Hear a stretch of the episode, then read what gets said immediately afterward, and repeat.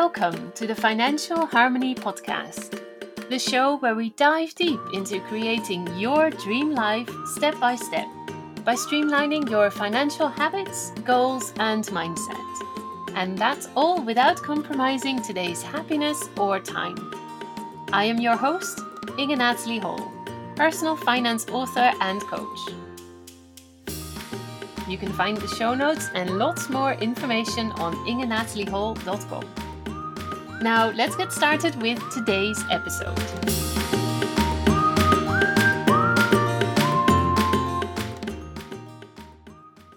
Hello, and welcome to another episode of the Financial Harmoney Podcast.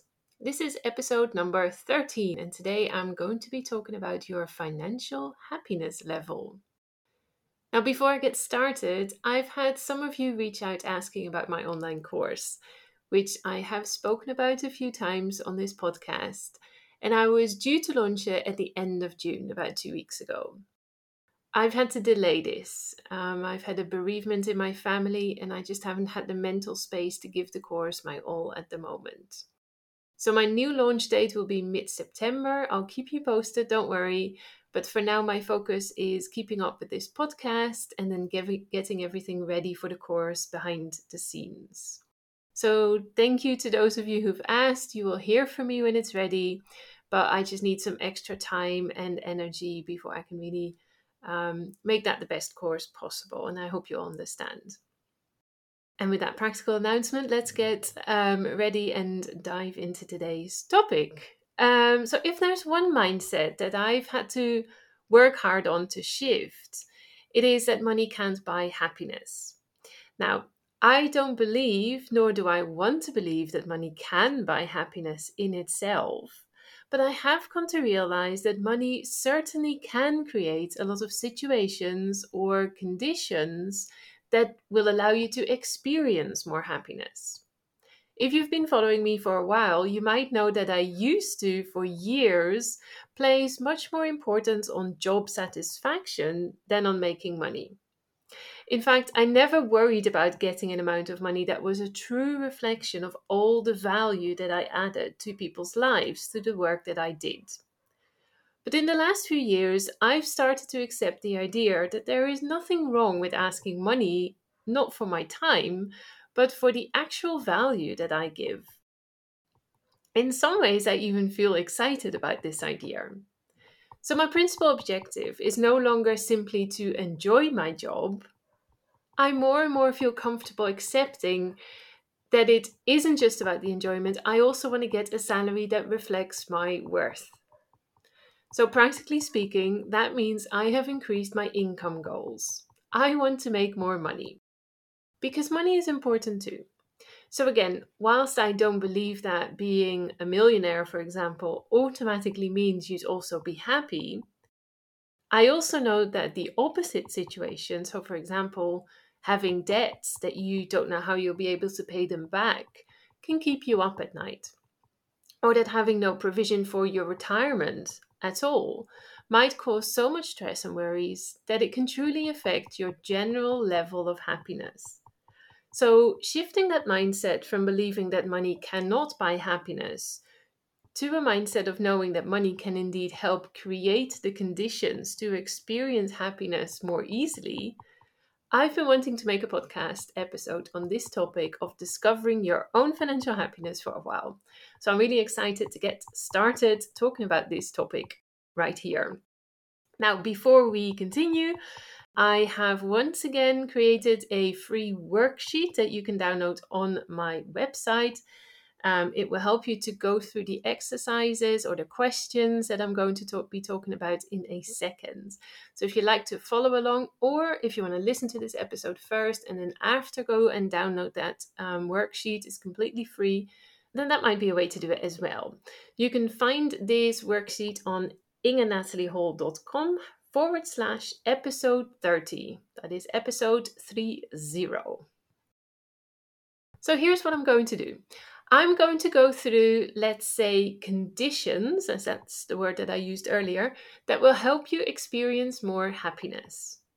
The one thing to remember here is that we all have different ways in which we experience happiness. We have different goals, different aspirations, and what's important to somebody might be completely irrelevant to somebody else. So while some might be dreaming of becoming a millionaire, others really couldn't care less about having that much money in their name. So, as always, when you go through these exercises, tune into your own feelings and values and don't worry about anybody else's opinion. Now, I want to highlight again that by just having lots of money only, I don't believe you'll find happiness. There's many more factors involved in feeling happy, such as experiencing love and having meaningful relationships with others, feeling healthy, uh, feelings of fulfillment through work, for example, or through hobbies or activities, personal spiritual enrichment. I think you get the idea. There's lots of factors involved here. But as we go through these factors today, we're just going to focus on the financial aspects. Okay, so I'm not denying all the other ones. It's just today we're simply going to look at the money side. Now, one last thing as we go through this episode, you might find that some of your ideas or answers to the questions that I'll be covering um, might overlap. In fact, I actually expect that some of them will. That's totally normal. So, if that is the case, that's okay. Don't try and find a different answer just because you've already said something similar before. I hope you're ready, so let's get started. Okay, the first topic I want to explore is stress because stress is a big contributor to feeling unhappy. So let's start with that one. Looking at your own personal situation and in terms of money or your finances, what would you need in order to feel stress free? That's the first question I've got for you. It's best if you are as specific as possible here. So let me give you an example. Maybe you experience stress about money because of the debts that you have if that's the case, then what you would need in order to get rid of that feeling of stress would be to no longer have debts. Now, instead of answering the question that I asked with um, being debt free to be the solution, it'd be much more useful if you write down exactly what that means in your case. So, a better way to answer the question would be to pay off X amount of money of all my debts and to no longer have any more new debts. Can you see that in this way it becomes a bit more actionable because it becomes more goal oriented and therefore it has more value or more power? Another possible answer to this question could be that you'd feel stress free if you no longer needed to worry about how you'd be able to pay all your bills. Again, this isn't specific enough so, if this is you, you want to clarify exactly how much money you struggle with regularly to pay. So, a better answer might be if you no longer needed to worry about where to get the extra 100 euros from each month to pay the utility bills, for example, because now we have a specific amount and a specific bill that we can focus on. Another way to answer this question might be having a retirement plan in place so you knew that you'd be able to retire comfortably. So try and be as specific as possible with that one.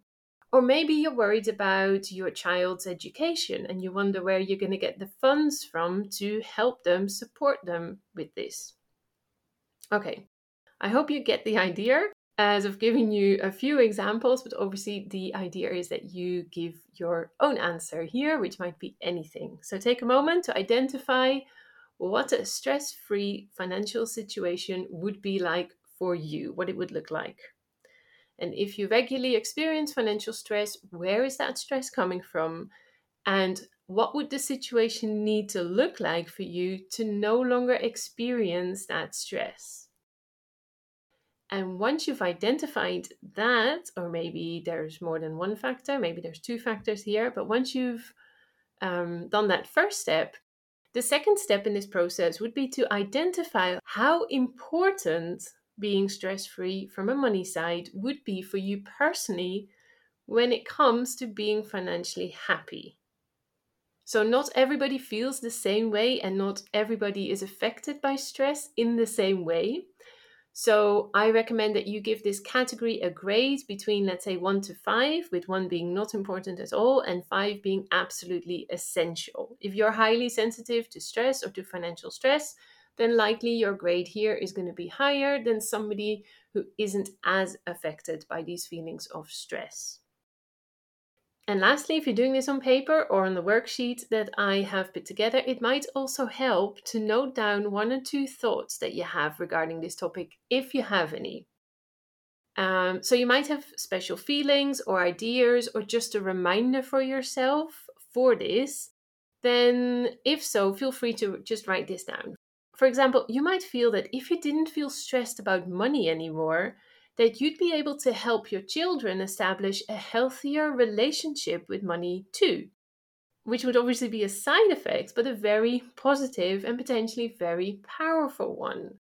So, that might be a thought that you might want to write down here just as a reminder that resolving the stress might not just be beneficial for you, but it might also help your children long term. Okay, so that was the first area I wanted to look at. Let's move on to the second one. And I think here another really important factor to experiencing happiness is feeling fulfilled. You can feel fulfilled because of your role in society, or in your community, or in your family. It can also be related to your job, or the activities that you do, or the value that you provide. But again, we're here approaching this from a financial perspective. So I would like you to think about how money can help you feel fulfilled. If you prefer, or if this resonates with you more, then instead of using the word fulfilled, you can also ask yourself, what do you need in order to feel successful? So decide which one you want to answer, which one resonates with you more, fulfilled or successful. So, for example, as an entrepreneur, I love doing what I do. And part of the reason why I run my two businesses is because I get a lot of energy and I feel a lot of excitement about what I contribute to other people's lives and how it helps them. But there is also a substantial part of that feeling of fulfillment that is related to making money with my activities, and more specifically, with the amount of money that I generate with what I do. So, regardless of whether you're an entrepreneur or have a job or a small side hustle, think about how much money you need to make to make you feel fulfilled or to make you feel successful. So, what is that number for you? And if you have more than one job or if you have more than one money generating activity, then maybe you want to split it out by source of income if that helps. Because maybe you have different standards for one of them, which might be a lot higher or a lot lower than um, the other one. So remember to try and be as specific as possible, though. So going back to the um, side hustle or having your own business example, you might think that you would feel happy or you would be able to experience more happiness if you had a successful business or a successful side hustle. But that isn't really specific. Like, what is successful? So remember, we're talking money here. So talk money in your answer too. And then again, once you've got clear what you would need in order to feel fulfilled or successful, go ahead and indicate how important this side is to you to feel financially happy, just like we did before. So give this area a one to five, uh, with one being the lowest and five being the highest, to indicate how important feeling fulfilled or successful is for you with regards to feeling financially happy. And then again, any extra thoughts that you might have regarding this, note them down as well. And then we're moving on to question number three. My third question for you is What do you need in order to feel secure? I personally interpret this as what do I need in order to feel like I've calculated my risks and that I know how I can deal with which emergencies. So, what emergency plan do I have in place? What financial means do I have in order to deal with certain emergencies? But another really helpful way of looking at this third area that contributes to happiness is to ask yourself maybe not what do I need in order to feel secure, but what do I need in order to feel in control? Be that in control of your future or of your finances in general, or maybe in terms of how you spend your time and how much of your time you spend on generating money. So take this wherever you want to take this, but focus on what do you need in order to feel secure or in control. Now, although I'd love you to be as specific as possible with these answers, and in particular, if you can be detailed about money or amounts of money, let me give you one of my own answers to this question here, too, in case it helps or inspires you to come up with your own answer, because my answer here isn't actually a specific amount of money. So, one of the factors that makes me feel in control is to have a money plan for the next year, the next three years, and the next 10 years. And in that plan, I outline the amount of money I want to earn. So, my targets for my income, as well as my targets with regards to, um, let's say, my, my general savings. So, I don't have every single individual savings goal in there, but I do have my most important long term ones in there. I also have my investment goals, my charity goals, my debt, and my general financial um, long term picture, let's say, they're all in there. But to me, the most important thing is having that plan, having a timeline. And apart from those targets, it also has some broad steps or milestones that I've identified in order to reach those goals in there. So, having that plan really helps me feel and be purposeful with my money and that gives me a huge sense of control. Anyway, that's me in case it helps, but as always, you have to discover your own answer. I just wanted to share that in case you find that useful. So, if it isn't a certain amount of money, then go ahead and write that down. For example, you might feel secure if you had I don't know, $50,000 or euros in the bank, for example. For me specifically, it's just having that plan. So I know what my short term and midterm situation and goals um, look like. Perfect. And then, of course, after you've identified what you need to feel secure and or in control, go ahead and indicate again between 1 and 5 how important this area is to you when it comes to being financially happy. And after that, any thoughts or extra notes you want to write down, go ahead and do that now too. And that gets us to point number 4, which is the last one. And for that one, I'd like you to think about what makes you feel excited. And I'm talking financially speaking. You can see this as what are your big money dreams? Or what would you love to experience eventually that makes you feel motivated to pursue or that you can daydream about endlessly? Having inspiring goals can really help you experience more happiness as it gives you a purpose and it can give you energy and motivation to work towards that goal. Just to be clear though, that this part, so question number four, is different to the previous three. As with those earlier ones, we identified conditions that you need to have or feel now in order to be able to um, make experiencing happiness easier. But with this fourth one, the point is exactly the opposite. So we're not looking to have the condition yet, so that condition doesn't isn't actually present in your life yet, but it is about having that goal or that exciting dream that you are working towards. So let me clarify this a little bit more. Again, if you've listened to previous episodes of this show, you might know that one of my big dreams is to own a house with a big garden. Where I live, that requires quite a bit of money. But the nice thing about this fourth area of creating financial happiness is that here I don't need that condition to be real right now for it to already contribute to my conditions that allow me to experience more happiness. For me, it's about having a goal or a dream that makes me fantasize about it. It makes me feel even more motivated to make money. It makes me feel all fuzzy and excited when I think about it. Anyway, the point is that although I think that having a big garden would contribute to my ability to experience more happiness tremendously for various reasons, even though I don't have that big garden at the moment, the dream itself already helps me feel more uh, financially excited, and therefore I am more open to feeling financial happiness. So, this is different to the previous three ones, which generally speaking are needed to be real right now so that you experience less stress, more control, and more fulfillment, so that you're able to experience more happiness. I hope I'm explaining this more or less clearly, but the point here is do you have one or two or three exciting financial dreams that, even though they aren't a reality yet, already make you feel excited and motivated even just thinking about it. This could be that big garden, it could be retiring early, or making that trip of your dreams to the Bahamas.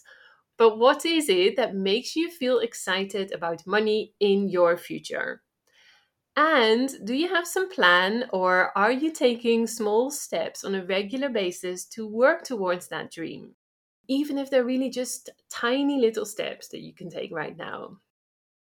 Okay, and lastly, I think you know the drill. Indicate how important having a financial dream is for you in order to feel financial happiness.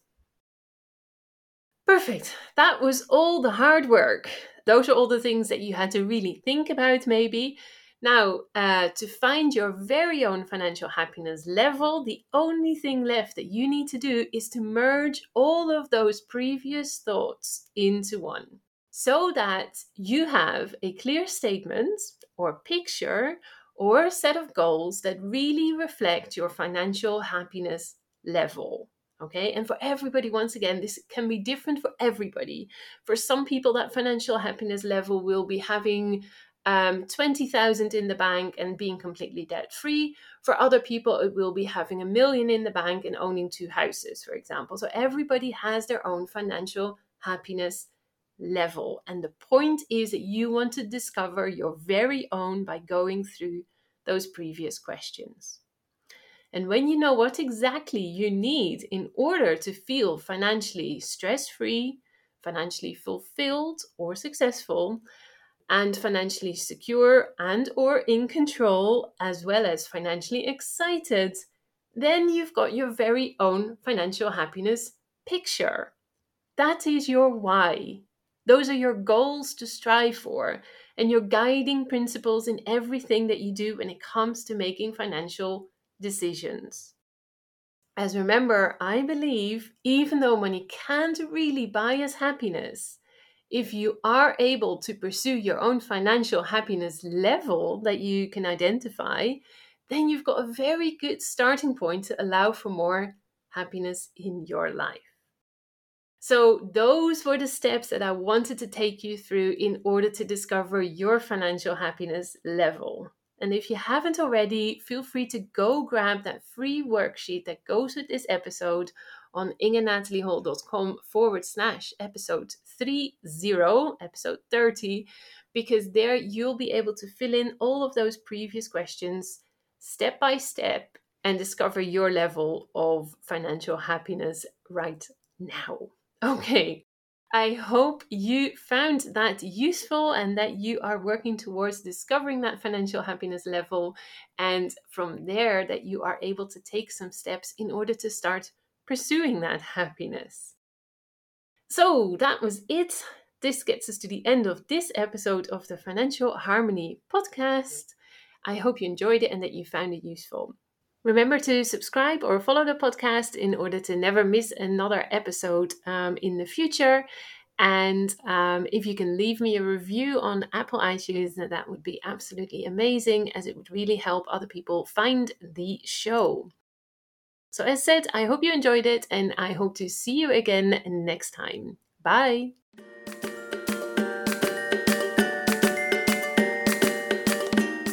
Thank you for listening to this episode of the Financial Harmoney Podcast. If you enjoyed today's show, please make sure to subscribe or leave a review. Remember to head over to ingenataliehall.com for your show notes, free downloads, and lots more information.